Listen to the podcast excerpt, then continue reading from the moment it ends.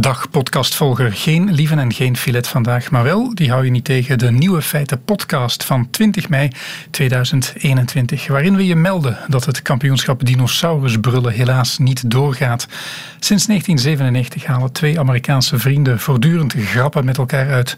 Maar de grappenwetloop lijkt voorlopig beslecht. Russell Barnett, een van de mannen, hing namelijk in zijn stad 51 posters op. Daarin stond dat zijn vriend een kampioenschap dinosaurusbrullen organiseerde organiseerde en dat mensen konden deelnemen door hun beste dinosaurusbrul op zijn voicemail achter te laten.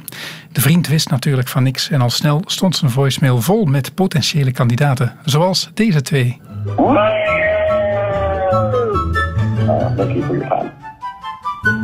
For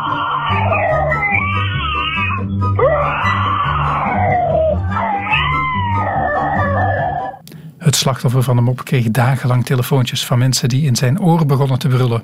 En al snel stond zijn voicemail vol met wannabe dinosaurussen. Zelf had hij geen idee wat er gebeurde, tot hij een foto van de poster die zijn vriend had opgehangen had gezien. Helaas zal geen enkele van de kandidaten iets winnen, laten de twee mannen weten, en is het kampioenschap afgelast, mocht je van plan zijn geweest te bellen. Verder in deze podcast. Waarom in een jaar dat corona de maatschappij en alle concerten stillegde, toch 46% meer tinnitusklachten werden behandeld?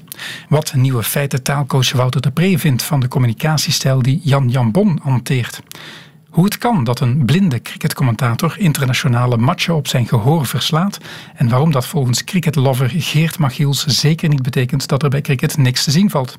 En wat middagjournaalgasten Jovenka Stiel heeft met stoere eekhoornbruggenbouwers. Nieuwe feiten. Het afgelopen jaar waren er amper concerten. Het verkeer viel stil. We gingen wandelen in de natuur. En toch is het aantal tinnitusklachten met 46% gestegen. Goedemiddag, professor Vink, oprichter van Ongehoord, het expertisecentrum rond tinnitus. Een goedemiddag. De stijging van dat aantal tinnitusgevallen blijkt uit een Brits onderzoek. Heeft u het afgelopen jaar ook meer patiënten hier in Vlaanderen zien binnenkomen?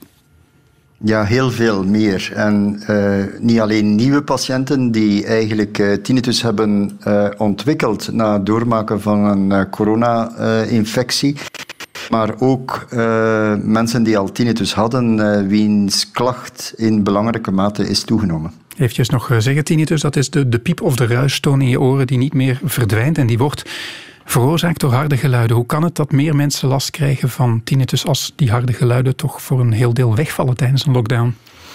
Wel, de oorzaak van wat in de volksmond oorsuizen genoemd wordt, maar wat we eigenlijk beter hersenpiepen zouden noemen of, of iets dergelijks, want het, het is een geluid die eigenlijk uh, in het brein wordt gegenereerd, is een gevolg van uh, gehoorschade. En dus een van de belangrijke gevolgen, uh, een van de belangrijke oorzaken van gehoorschade is blootstelling aan lawaai, maar kan uiteraard ook zijn dat je een infectietoestand doormaakt, zoals bijvoorbeeld een virale infectie zoals de COVID-infectie. Anderzijds is het zo dat dat symptoom of de sterkte waarmee dat je dat symptoom waarneemt, ook bepaald wordt door angst en emotionele spanningen die die patiënten in hun leven uh, ervaren. En dan krijg je natuurlijk bij, in een geval van een lockdown-situatie, uh, de situatie waarbij dat je in stilte wordt teruggetrokken, getrokken, uh, verplicht bij wijze van spreken, uh, waardoor dat je eigenlijk dat geluid beter gaat waarnemen. Twee,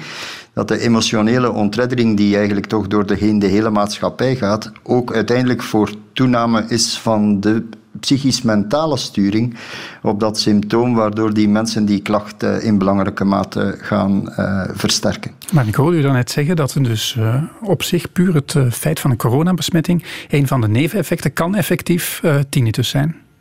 Ja, het is zo dat nog niet lang geleden aan de University of Manchester, in, ook in Groot-Brittannië, waar men behoorlijk wat onderzoek over die relatie heeft gedaan, um, dat 13% uiteindelijk uh, die geen tinnitus had, uh, nadien, um, na het doormaken van een COVID-infectie, uiteindelijk uh, tinnitus heeft ontwikkeld. Ik zelf heb in de laatste drie maanden, ik heb het even nagekeken, 32 patiënten gehad die um, tinnitus ontwikkeld na, uh, naar aanleiding van het doormaken van een COVID-problematiek. Ja, ik, ik zie op social media ook wel eens langskomen dat vaccins of COVID-medicijnen tinnitusklachten kunnen veroorzaken. Is dat fake news of is dat ook uh, op wetenschap gebaseerd? Maar ik denk dat we daar nog heel voorzichtig moeten zijn. Ik moet zeggen, zeggen dat ik, uh, eerlijk, eerlijkheidshalve, dat ik twee patiënten heb gehad en nog niet zo lang geleden, vorige week, nog iemand die beweerde dat zijn tinnitus uh, begonnen was twee dagen na een vaccin maar die, waar absoluut niet duidelijk is of die relatie uh, uh, daaraan gepaard gaat. Het probleem is dat sommige patiënten natuurlijk angst hebben om daarom een tweede vaccin te gaan laten plaatsen, maar dat dat natuurlijk niet verstandig is. Hè. Dus ik heb uh, die patiënten heel duidelijk gemaakt dat het risico op het, op het ontwikkelen van deze klacht en het krijgen van gehoorschade door een virale infectie veel groter is dan, dan dat het vaccin daarvoor iets zou tussen zitten. En dat is helemaal niet bewezen trouwens. Ja. Wij hier bij de radio hebben uh, vaak een koptelefoon op, maar ik denk dat veel gewone mensen met al dat, dat zoomen en teams uh, vergaderingen, dat die ook meer koptelefoons dragen. Kan dat ermee te maken ja, wat, hebben? Ja, wat je, dus, wat je dus ziet is dus dat er een enorme toename is van geluidsblootstelling via het oor. Hè. Niet alleen inderdaad via dergelijke teamsmeetings, maar ook jongeren. Hè. Jongeren gaan... Ik heb een stijging van ruim 30% in die jonge generatie van het aantal uh, jonge mensen tussen makkelijk 15 tot 18-jarigen, die eigenlijk uh, zelf aangeven dat ze urenlang gamen, Netflix, via Netflix binge-watching doen en dergelijke. En op die manier een soort overbelasting van het oor gaan uh, veroorzaken, die op zich dan ook uh, een, een, mogelijke hoorschade tot stand brengen en tinnitus doen ontstaan. Is tinnitus voor de rest van je leven of uh, is er een behandeling? Nee, jammer genoeg is dat een boodschap die in de, in het, in, ingebakken zit in onze maatschappij, dat je er maar mee moet leren leven. Maar dat is natuurlijk zeer onterecht. Als je bij de tandarts zou gaan en die zou je zeggen, kijk meneer, er is niets aan te doen, dit is voor de rest van je leven, ja, dan word je waanzinnig. Hè? En dit is, dit is niet correct. Hè? Het is iets wat uh, aan jonge kinderen geleerd wordt. Het is iets wat op dokter Google heel frequent verschijnt. Maar het is heel belangrijk dat tinnitus een symptoom is en geen ziekte is. En je geneest ook geen pijn. Je zegt de pijn genezen. Je moet iets aan de oorzaak doen van het symptoom. En als je dat doet, dan kunnen we het brein eigenlijk trainen en leren om het symptoom te vergeten. Net zoals je vergeet om aan een muggenbeet te krabben, waardoor dan ook de jeuk gaat verdwijnen. Sommige mensen zetten ruis op. Werkt dat?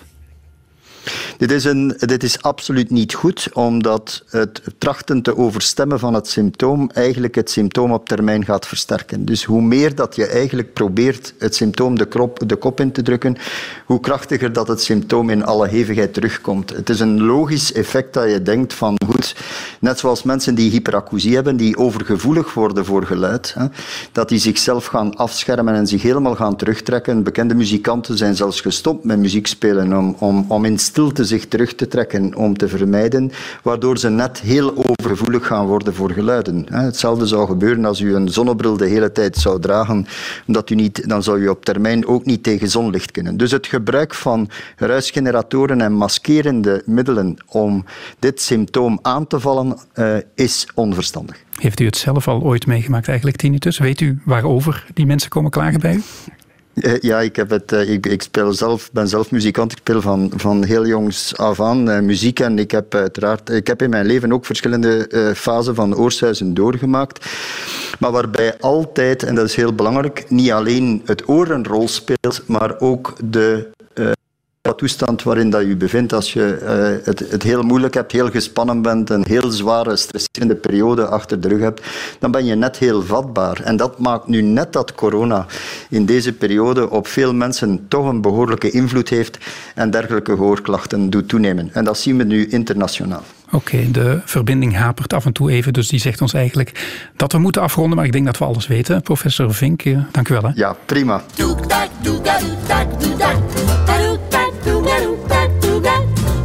De taalcoach.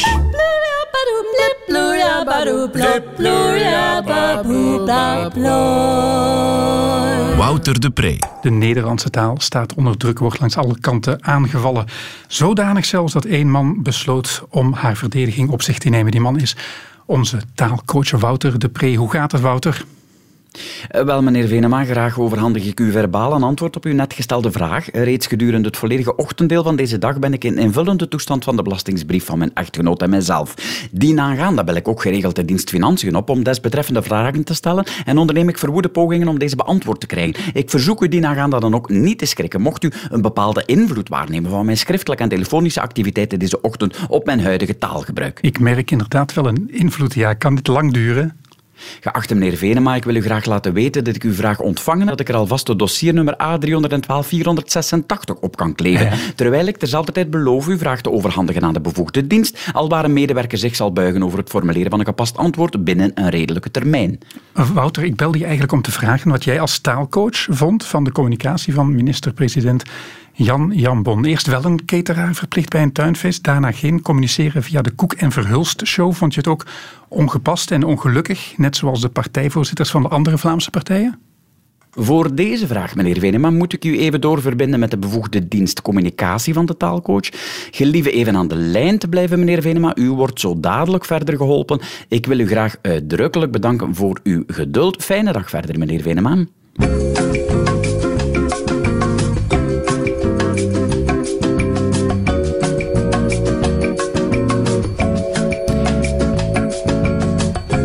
Hallo meneer Venema, er is even niemand bereikbaar op de dienstcommunicatie van de taalcoach, maar ik kan ondertussen wel even voor u nagaan of uw vraag voldoet aan de vormvereisten van het protocol van het overlegcomité Dank u. betreffende de behandeling van vragen omtrent coronacommunicatie van de minister-presidenten van de gemeenschappen over cateraars aan taalcoaches. Deze vragen komen namelijk enkel in aanmerking voor beantwoording indien ze gesteld worden door een cateraar. Meneer Venema, als u mij toestaat mij hierover te informeren, bent u zelf een cateraar? Ik probeer rustig te blijven, maar ik ben geen cateraar nee. Ik zie hier ook wel in het protocol van het overlegcomité dat een volmacht om te opereren in naam van de cateraar ook volstaat. Mag ik nummer van uw volmacht, datum van uitrekking, naam van de cateraar in wiens naam u opereert, het gemeentehuis van uitrekking en de naam van de bevoegde ambtenaar? Ik heb helaas ook geen volmacht, nee. Ah, eh, hier komt net een mailtje binnen dat de voorwaarden van een volmacht om een vraag te stellen in naam van de cateraar of de catersector in het algemeen komt te vervallen vanaf donderdag 20 mei. Dat is vandaag. U hebt uw vraag dus volledig wettelijk gesteld, meneer Venema, en bent op geen enkele manier nog in wettelijke overtreding. Wat was uw vraag ook alweer, meneer Venema? Ja, wat vond je van de shiftende communicatie van minister-president Jan Bon over de tuinfeesten vanaf juni? Eerst moest er wel een cateraar aanwezig zijn en na een passage bij Koek en Verhulst niet meer. Ja, eh, dank u wel voor deze vraag, meneer Venema. Ik zie hier nu wel in de nieuwe richtlijnen dat ik bij elke vraag verplicht ben om te kijken of ze tot stand is gekomen volgens de veiligheidsvoorschriften van het overlegcomité. Ah, is deze vraag tot stand gekomen op de redactie van Nieuwe Feiten zelf, meneer Venema? Inderdaad. Mag ik u dan vragen of u de vraag zelf hebt bedacht of heeft u ze eerder te danken aan een redacteur of redactrice? Ze is bedacht door onze redacteur, Matthias. Mag ik u dan vragen of redacteur Matthias u de vraag digitaal heeft bezorgd vanuit een thuiswerkende hoedanigheid? Of is Matthias, eh, eerder genoemde Matthias, lijfelijk aanwezig op de redactie? Matthias is hier aanwezig, ja. Mag ik u dan vragen of eerder genoemde Matthias de vraag A schriftelijk heeft overhandigd, zijnde op een blaadje dus, en B of dat dan met ons met de handen gebeurde, of C of hij eerder het blaadje van op afstand bezorgde door er bijvoorbeeld een vliegertje van te maken en het uw richting uit te gooien? Geen van de bovengaande. Matthias heeft mij de vraag gewoon gezegd daarnet. Mag ik in dat geval vragen of Matthias op het moment van vraagstelling A een mondmasker droeg, B zich op een afstand van anderhalve meter bestond of verder bevond, of hij zijn spreekoefening C heeft weggedraaid van u, zonder ze daarom naar andere werknemers in de ruimte te richten, en D of Matthias zijn volume heeft ingeperkt, zodat de speekseldeeltjesverspreiding in de ruimte beperkt bleef. Hij stond ver genoeg en sprak niet al te luid. Nee, ik weet nog dat ik moeite had om de zin te begrijpen. In dat geval, meneer Venema, kan ik u met vreugde melden dat uw vraag veilig tot stand kwam en dat ik ze dus volgens de gedetailleerde regels van het protocol van het overlegcomité ontvankelijk kan verklaren. Daar zijn we. En wat is het antwoord op de vraag, Wouter? Wat uh, vind je van de communicatiestijl van meneer Jan Bon? Zoals eerder gezegd, meneer Venema, is dit een vraag die eerst overgemaakt moet worden aan onze dienst communicatie van de taalcoach. Maar ik kan u wel met vreugde melden dat ik uw vraag veilig kan verklaren en ontvankelijk en dat ik er dus het dossiernummer A610-423 kan aan toekennen. De dienst communicatie van de taalcoach verbindt er zich toe om uiterlijk binnen de vijf werkdagen een antwoord te formuleren. U kunt ons na die termijn opnieuw contacteren op dit nummer en bij vermelding van het dossiernummer krijgt u onverwijld het antwoord overhandigd op uw vraag, meneer Venema. In de hoop u hiermee voldoende te hebben geïnformeerd, neem ik nu afscheid van u, meneer Vedema. Fijne dag verder. A610 423, dat is genoteerd. Dank u wel.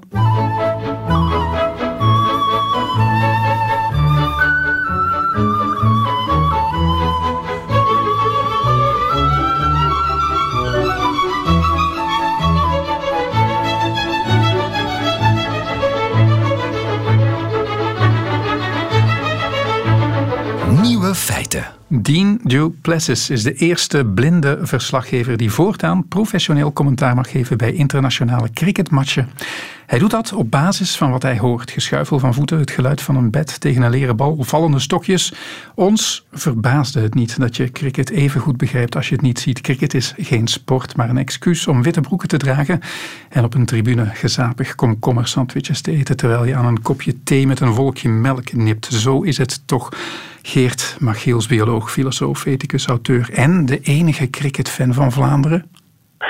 Nou, dat laatste is wat overdreven, denk ik. Speel het zelf niet en er zijn een aantal ploegen in, in Vlaanderen die, die het spelen.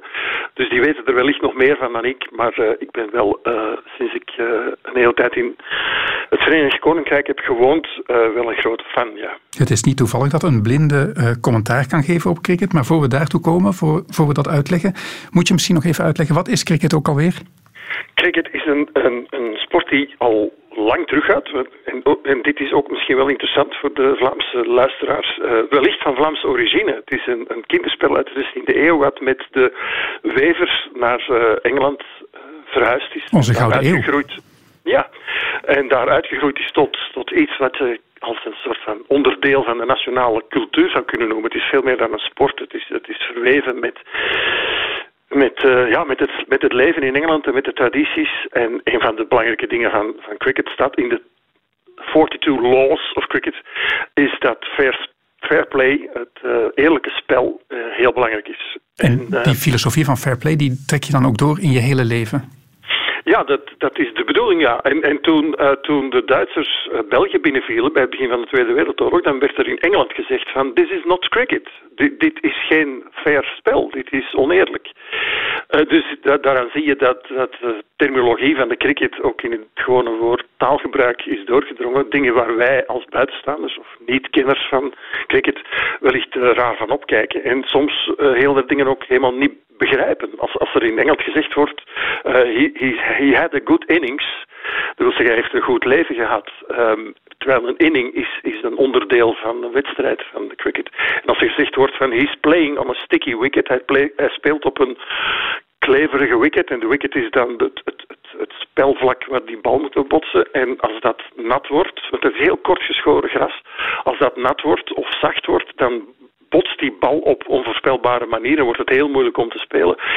Maar dat wordt gebruikt voor iemand die in moeilijke omstandigheden toch overeind blijft. Playing on a sticky wicket. En, en zo zijn er nog tientallen van die termen die in het gewone Engelse taalgebruik uh, veel voorkomen. Het is een soort langdradige versie van honkbal. Ja, ja ik, ik, ging eigenlijk uitleggen uh, uh, hoe het spel in elkaar zit.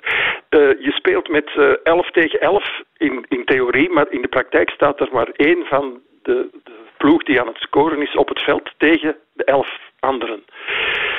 Je staat tegenover als batsman met jouw bat tegenover iemand van de andere ploeg die een bal naar jou toesmijt aan 120, 150 km per uur. En die moet je zien af te weren. Als die bal het veld invliegt en die wordt gepakt door iemand in het veld, voor die de grond raakt, dan ben je uit. Dan kan je dus geen uh, runs meer scoren. Uh, als, als die elf van die ene ploeg uit zijn, dan uh, komt de andere ploeg in het veld en dan beginnen die te batten en gaat de andere fielden. En het is de bedoeling om zoveel mogelijk runs te scoren als je aan slag bent en zoveel mogelijk van die batsmen uit te vangen als je in het veld staat. En dat kan dagen duren? Wel, uh, dat hangt er vanaf welke soort van wedstrijd dat je speelt. Het, het, het klassieke, het, het, grote traditionele voorbeeld zijn natuurlijk de testmatches. En dat heeft niks met uh, uitproberen te maken, maar met uh, het testen van je van de duurzaamheid en van je concentratievermogen en je uithoudingsvermogen, want die duren vijf dagen. Die beginnen om 11 uur s ochtends en die spelen door tot s avonds als de zon ondergaat en er te weinig licht is. Dat zijn de internationale matchen, dus tussen bijvoorbeeld uh, Engeland en Australië. Maar er zijn ook uh, eendagsmatchen waar het aantal overs, het aantal keren dat er bal gesmeten wordt, beperkt ja, zijn. Uh, wij denken dat voetbal heel groot is, maar cricket is eigenlijk in al die landen die tot het Commonwealth behoren, mag ik dat zeggen, is ook, is ook heel Ja. groot en wordt door gigantisch veel mensen bekeken? Dat, dat, is dat is haast onvoorstelbaar. Toen in 2015 India tegen Pakistan speelde voor de wereldkampioenschappen, dan keken er op dat moment 1 miljard mensen, 1 Wow. miljard mensen naar, naar die wedstrijd. Dus overal waar een televisie was, overal waar een radio was, daar zaten mensen samen te luisteren naar die verslagen van die wedstrijden. En die gebeuren, en dat, dat is een instituut, hè. op de BBC is er Test Match Special, dat is op Radio 4, en dus dat begint een uur voor de wedstrijd begint, worden er voorbes- voorbeschouwingen geserveerd. En dan wordt die wedstrijd bal per bal besproken. Er zijn om de 20 minuten komt er een andere commentator, want je houdt dat niet zo lang vol een hele dag. En daarnaast zijn er mensen die om het half uur een samenvatting geven wat er allemaal gebeurd is. En dat is niet onaardig, want dan denken wij soms van, ja, die mannen die staan daar maar niks te doen in dat veld en te wachten tot er nog eens een bal langskomt. Maar er gebeurt ontzettend veel waar wij als buitenstaanders nauwelijks eh, eh, zicht op hebben. Voor we naar de blinde commentator gaat, moest ik je nog even vragen over de Duckworth-Lewis-Stern-methode om een, een wedstrijd af te sluiten. Want soms is er eigenlijk gewoon geen uitslag. Ja, dat is, dat is ook zo'n fantastisch gegeven natuurlijk. In Engeland is het vaak uh, iets slechter weer. En uh, dan, dan moet de wedstrijd gestaakt worden vanwege regen. Want die wicket daar in het midden die mag niet nat worden, want dan speelt het heel slecht. Um, of er is te weinig licht en dan zien de batsmen de, de, de bal niet komen en dan wordt het, het spel gestaakt. Nu kan het zijn dat je al vier dagen aan het spelen bent en dat er dan slecht weer komt en dan moet de boel afgebroken of gestopt worden, um, opgeschort voor, voor korte tijd, maar je weet nooit hoe lang. Stel dat de ploeg die bezig was om de eerste ploeg die gespeeld had in te halen. Maar die kunnen dus niet meer voortspelen. En dan zou het heel oneerlijk zijn om dan te zeggen van ja, degenen die nu het meest hebben, die, die hebben gewonnen, maar die anderen hebben niet, geen eerlijke kans gekregen. En is er een formule bedacht door drie wiskundigen om uit te rekenen op basis van wat er al gebeurd is, welke ballen er gesmeten zijn, door wie en wanneer en hoe lang, om uit te rekenen van wat er zou gebeuren, welk test, eindresultaat dat de ploeg die nog aan slag is, maar niet meer kan voorspelen, zou gehaald hebben, mochten zij kunnen doorspelen. En dat is die fameuze index. Uh, en het kan dus soms gebeuren dat een ploeg die de wedstrijd uiteindelijk niet kan uitspelen, omdat ze daar niet meer de gelegenheid toe hebben, toch wint, omdat ze op basis van de voorbije uh, resultaten toch een goed resultaat zou halen. Ik denk als het gebeurt ik... niet heel veel, maar het gebeurt wel. Uh, we moeten naar die blinde commentator waar we vertrokken. Hoe is het mogelijk dat zo'n ingewikkelde sport verslagen Ja. kan worden door een blinde commentator? Nou, dat, dat verhaal van die uh, Dean Duplessis is, is een fascinerend verhaal op zich. Hij is van Zimbabwe, uh, is blind geboren vanwege twee tumoren achter de netvliezen.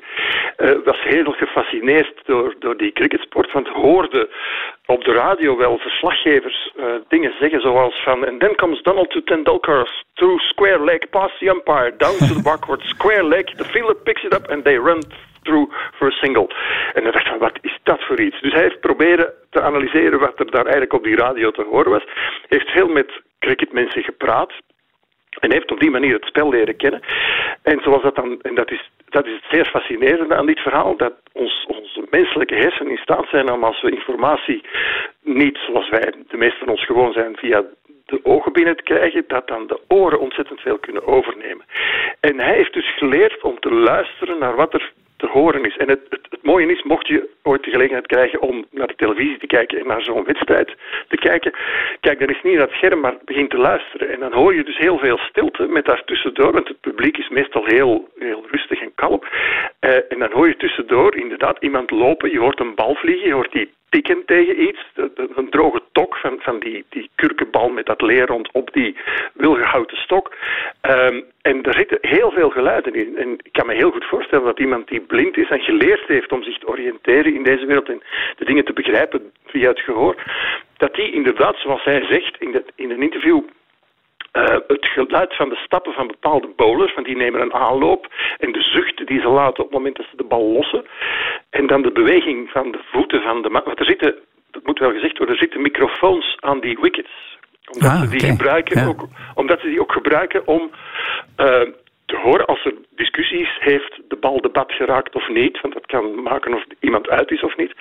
Dan kunnen ze het achteraf terug, terug horen. Zoiets als, uh, als de VAR bij de, de bij de voetbal. Ja, ja. En dat ze dus met elektronische middelen gaan zien van heeft, heeft die, wat heeft die bal juist gedaan. Een echte radiosport eigenlijk. Hè?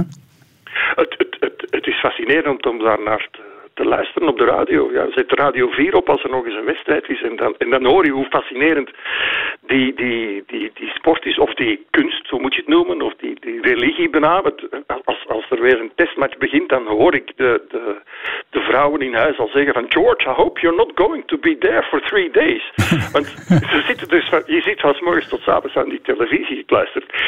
En wat er dan ook, dat, dat, wil ik toch nog zeker meegeven, want dat is iets wat zo anders is voor cricket als voor andere sporten. Um, stel nu dat er daar iemand van de tegenpartij, de Pakistani, spelen in Engeland, op, de holy ground of cricket, op Lords in Londen. En daar haalt een man uh, 150 runs of 200 runs. Dat is, dat is fenomenaal. Dat is iemand die twee dagen buiten in de zon staat en keer op keer achter elke bal terug geconcentreerd daar staat. Die wordt dan uiteindelijk toch uitgevangen en die, die, uh, ja, die, die, die, doet, die neemt zijn helm af. En heel het publiek, of het nu Pakistanen zijn of Engelsen of wie dan ook, applaudisseert staande, ovatie. Terwijl die man buiten loopt. Of hij terug de trap op naar de pavilion.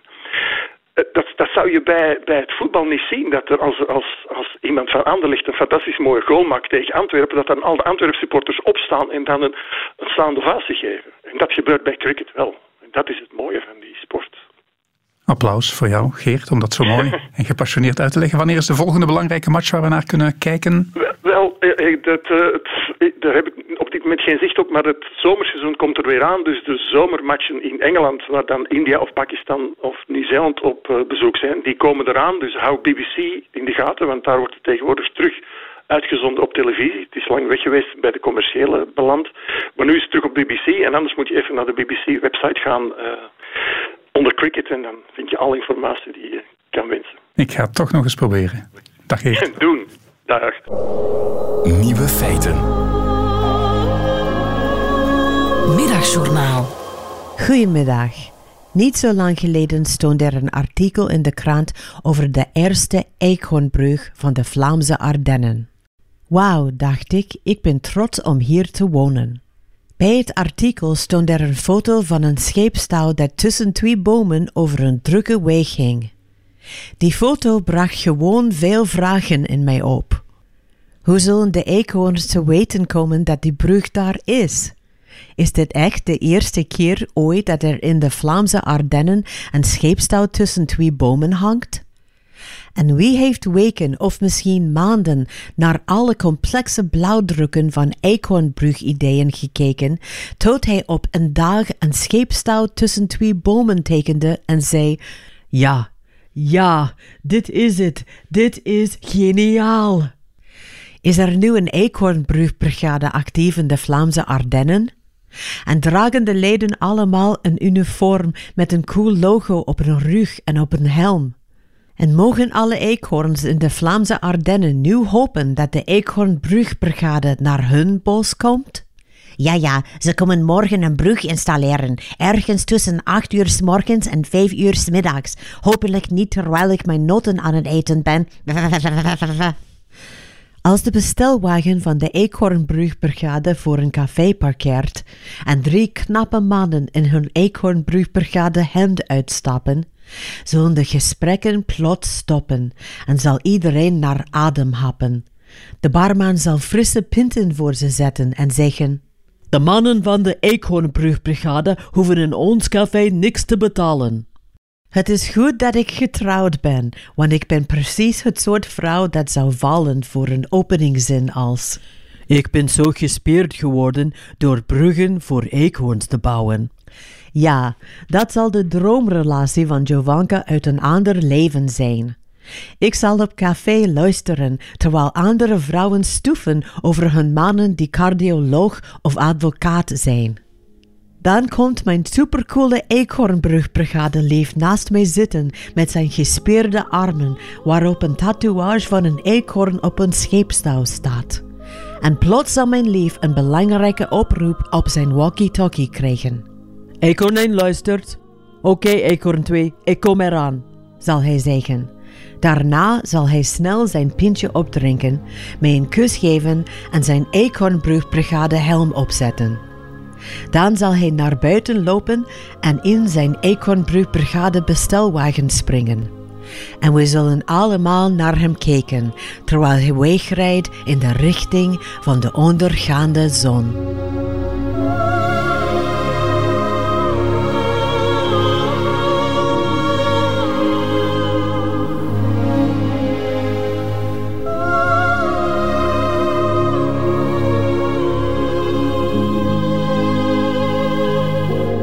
Dat waren de nieuwe feiten van 20 mei 2021. Je bent weer helemaal bij. Ontdek trouwens ook alle andere podcasts van Radio 1 op radio1.be.